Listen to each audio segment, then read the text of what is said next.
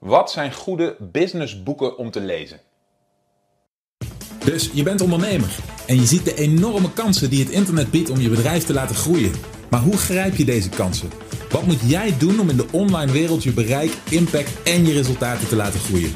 Mijn naam is Michiel Kremers en in deze podcast neem ik je mee achter de schermen in een modern, hardgroeiend online bedrijf en ontdek jij het antwoord op de vraag: hoe worden kleine ondernemers groot? Hallo, mijn naam is Michiel Kremers. Welkom bij een nieuwe aflevering van de Online Omzet Podcast. En in deze aflevering wil ik het met je gaan hebben over wat goede businessboeken zijn om jezelf te ontwikkelen als online ondernemer. En dat is een heel klein beetje een andere insteek dan andere afleveringen. Normaal gesproken ga ik in op vragen van mijn deelnemers of ga ik in op dingen die ik fout zie gaan bij veel ondernemers. Maar ik denk dat dit stukje informatie relevant is voor je, omdat ik merk dat het landschap van self-help en businessboeken gigantisch snel veranderd is, omdat er zoveel materiaal bij is gekomen dat het soms lastig kan zijn om door de bomen het bos nog te zien. Uh, ik heb zelf heel erg veel businessboeken gelezen. Ik lees er gemiddeld zo'n 30, 40 per jaar.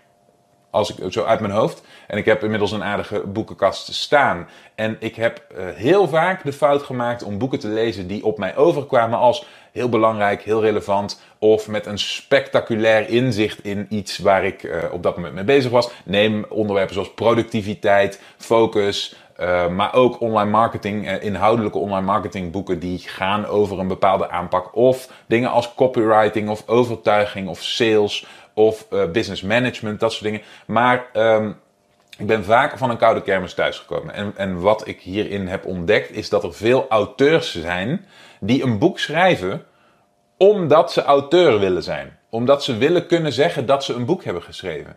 Niet omdat ze echt al vanaf een heel vroeg stadium zichzelf hebben ontwikkeld in een bepaald, bepaald werkveld. Niet omdat ze echt heel erg diepgaande expertise hebben die daadwerkelijk verder gaat dan het gebruiken van je boerenverstand. Oké?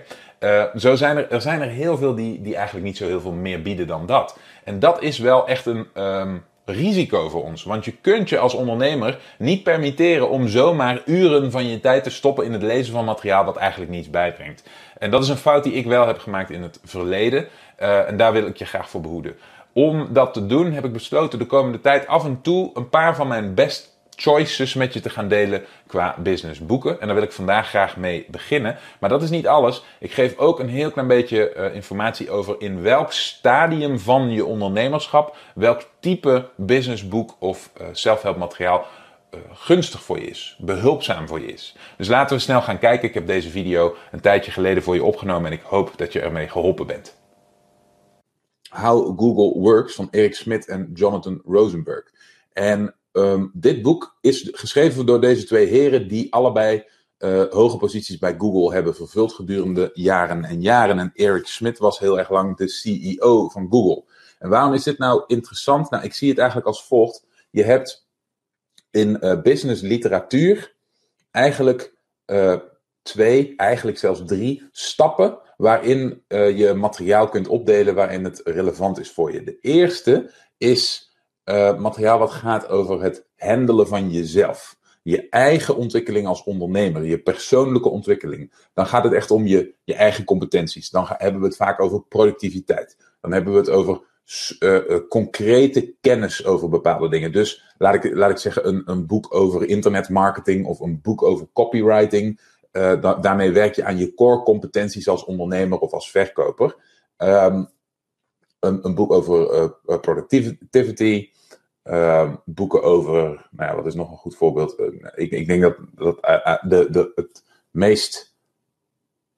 Het, het meest uitgebreide onderwerp daarvan is denk ik productiviteit maar ook bijvoorbeeld voeding, um, routines, al dit soort dingen. Die, hebben, die slaan op jou als ondernemer. Oké, En dat is eigenlijk het eerste niveau van businessmateriaal waar je je idealiter in zou willen verdiepen. Want dat is het eerste gedeelte wat je moet handelen, jouzelf. Je moet er in de eerste instantie voor zorgen dat jij als ondernemer competent bent en jezelf onder controle hebt. Dus dat je het werk kan doen, dat je uh, productief kan zijn, dat je de uren kan werken, dat je de doelen kan bereiken. Dat is eigenlijk je eerste, of je eerste uh, milestone, je eerste mijlpaal. De tweede is inhoudelijk over het runnen van een bedrijf. En dan ga je een niveautje dieper. Dan kijk je niet meer per se naar jouzelf en je eigen competenties, maar dan kijk je naar hoe je bedrijf als entiteit functioneert. Wat zijn de laagjes binnen je bedrijf? Waar moet jij zelf als eigenaar of CEO of ondernemer de, uh, de, de, de vingers aan de pols houden? Waar moet jij zelf uitvoerend en actief bij betrokken blijven? En wat zijn onderdelen die op een gegeven moment als structuren of flows uitgebouwd kunnen worden? Wat zijn dingen die bij anderen komen te liggen? Hoe ga je om met bedrijfsstructuren? Hoe ga je om met andere mensen en met personeel? Hoe bouw je teams? Hoe zorg je ervoor, in, uh, eigenlijk in, in, in het kort, dat je bedrijf kan groeien en dat je niet langer blijft bij een eenmanszaak, maar een daadwerkelijke onderneming? Dat is eigenlijk niveau 2. Dus je ziet dat je begint bij het rijlen en zeilen van jouzelf als ondernemer. En dat het volgende niveau is het rijlen en zeilen van jouw bedrijf. En het laatste niveau, en dat is misschien nog wat ver gezocht voor de fase waar we hier in zitten met z'n allen, is het niveau waarbij je zelf terugtreedt uit de activiteiten van je onderneming of ondernemingen. Daar komt, dat punt, is het punt wat je dan bekijkt. En dan uh, met een topview als een investeerder gaat kijken. Dus dan ga je kijken van niet waar kan ik mijn eigen, uh, mijn eigen wakende uren, mijn eigen energie instoppen om dingen te laten gebeuren. Maar waarin kan ik tactische, strategische investeringen doen om dingen te laten gebeuren en tot stand te laten komen. En dan wordt bijvoorbeeld een core competentie van je wordt niet, um, niet uitvoerend werk, niet mensen aannemen en een team bouwen, maar mensen zoeken die een team kunnen bouwen. Mensen zoeken die mensen aan kunnen nemen die een team kunnen bouwen. Snap je? Dus dan wordt het een level up, dan wordt het een, meer een topje van bovenaf. Dat zijn de drie niveaus waarop ik uh, business literatuur indeel. En wat ik wil, uh, wil doen is, is vooral van de eerste twee niveaus het beste materiaal wat ik tegenkom met jullie gaan delen. Omdat ik denk dat je daar heel erg veel aan kunt hebben. Nou, dit is dus het eerste voorbeeld, How Google Works. En waar How Google Works over gaat, de titel zegt het al, is de interne werking niet van de zoekmachine, maar van het bedrijf Google. Dus hoe dat bedrijf functioneert. Nou, je, je weet allemaal dat Google een van de grootste en meest waardevolle bedrijven van de planeet is geworden de afgelopen decennia.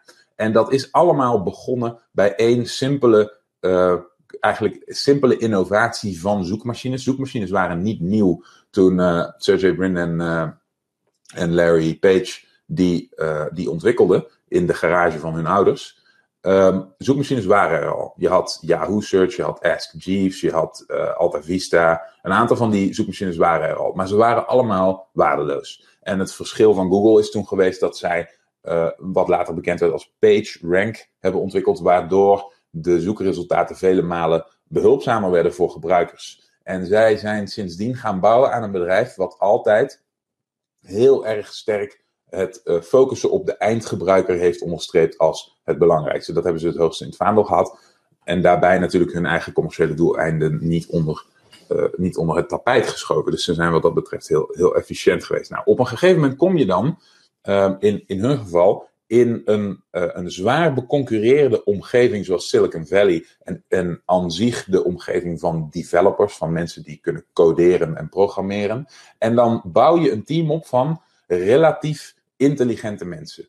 En dit boek gaat voor een heel groot gedeelte over hoe je er nou voor zorgt als bedrijf of leidinggevende of werkgever, dat dat soort mensen die net zo slim of zelfs veel slimmer zijn dan jij, die, uh, die, die uitgedaagd moeten worden en die niet goed functioneren in de, de traditionele ouderwetse hiërarchische opbouw, waarbij de baas zegt wat je moet doen en jij het dan uitvoert, maar juist zelf proactief betrokken blijven bij het welzijn van het bedrijf, zelf nadenken en creatief zijn, uh, creatief omgaan met wat er kan in de toekomst, wat er ontwikkeld kan worden. En dit boek schetst een prachtig plaatje over hoe je dat type mens kunt trekken over hoe dat type mens functioneert en hoe je vervolgens structuren in een bedrijf bouwt eromheen om ervoor te zorgen dat die mensen het beste tot hun, hun recht komen. En dat is echt een flinke uitdaging. En het is misschien niet.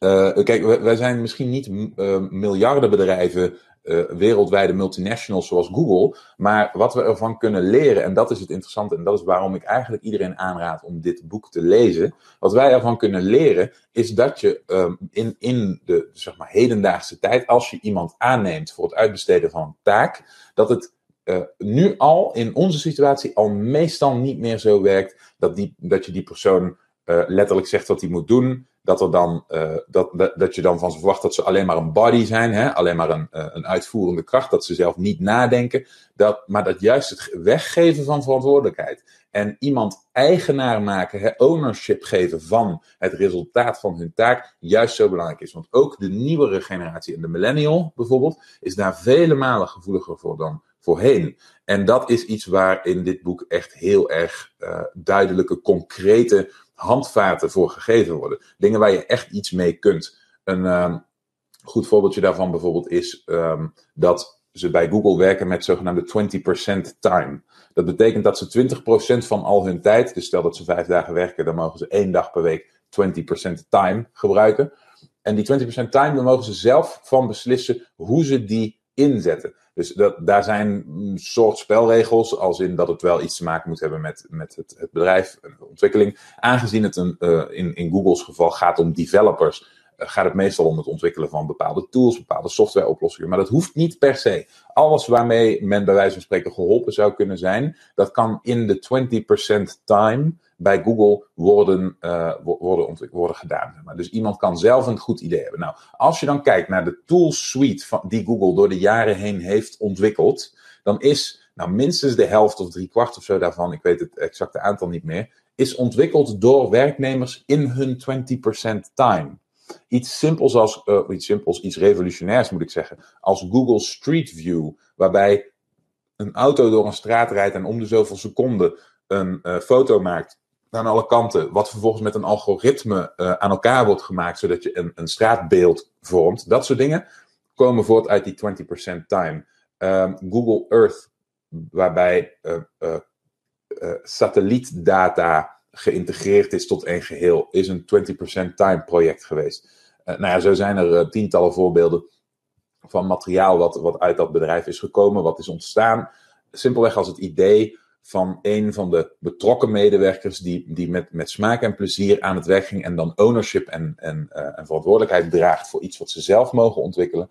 En dat vond ik erg inspirerend. En ik probeer dat, zo goed en zo kwaad als het gaat, in mijn eigen ondernemingen al direct toe te passen. Dus dit soort dingen, Um, daar kun je echt in een heel vroeg stadium mee beginnen. Daar kun je al heel vroeg je voordeel mee doen. Dus die wilde ik je niet onthouden. Dit boek, als je hem tegenkomt, How Google Works, tik hem op de kop en ga er rustig aan doorheen. Oké, dus zoals je zag in de video, is het heel erg afhankelijk van de fase waarin je je bevindt als ondernemer. Wat voor type boeken je zou moeten lezen of zou kunnen lezen, die in dat geval gunstig voor je zouden kunnen zijn. Ik hoop heel erg dat dit nuttige informatie voor je is geweest. Als je nou bij jezelf denkt: Goh, dit zijn uitdagingen waar ik tegenaan loop en ik realiseer me dat ik nog niet op het punt ben dat ik deze dingen al weet. Ik realiseer me dat er ervaring ontbreekt en ik wil niet in de valkuilen stappen waarvan ik inmiddels weet dat ze er zijn dan is een handje hulp misschien op zijn plek. In dat geval zou deelnemen aan mijn traject misschien de juiste keuze zijn voor jou. Mocht je dat overwegen, dan zou ik je willen vragen naar de pagina onlineomzet.com slash interesse te gaan. Daar kun je een gesprek met mijn collega inboeken. Kijken we samen of deelname aan mijn traject iets voor jou is. En of we je kunnen helpen je ontwikkeling als ondernemer in een stroomversnelling te brengen. En binnenkort je omzetstroom te lanceren. Ik hoor het heel graag van je. Schrijf je in via onlineomzet.com slash interesse. En dan spreken we elkaar hopelijk heel spoedig. Succes! Bedankt voor het luisteren. Heb je iets aan deze aflevering gehad of heb je een vraag? Laat het me weten via de comments. En vergeet niet te abonneren. Dan blijf je op de hoogte van alle tips en strategieën waarmee jij als moderne ondernemer groot kunt worden. Voor een overzicht van alle afleveringen ga je naar onlineomzet.com/podcast.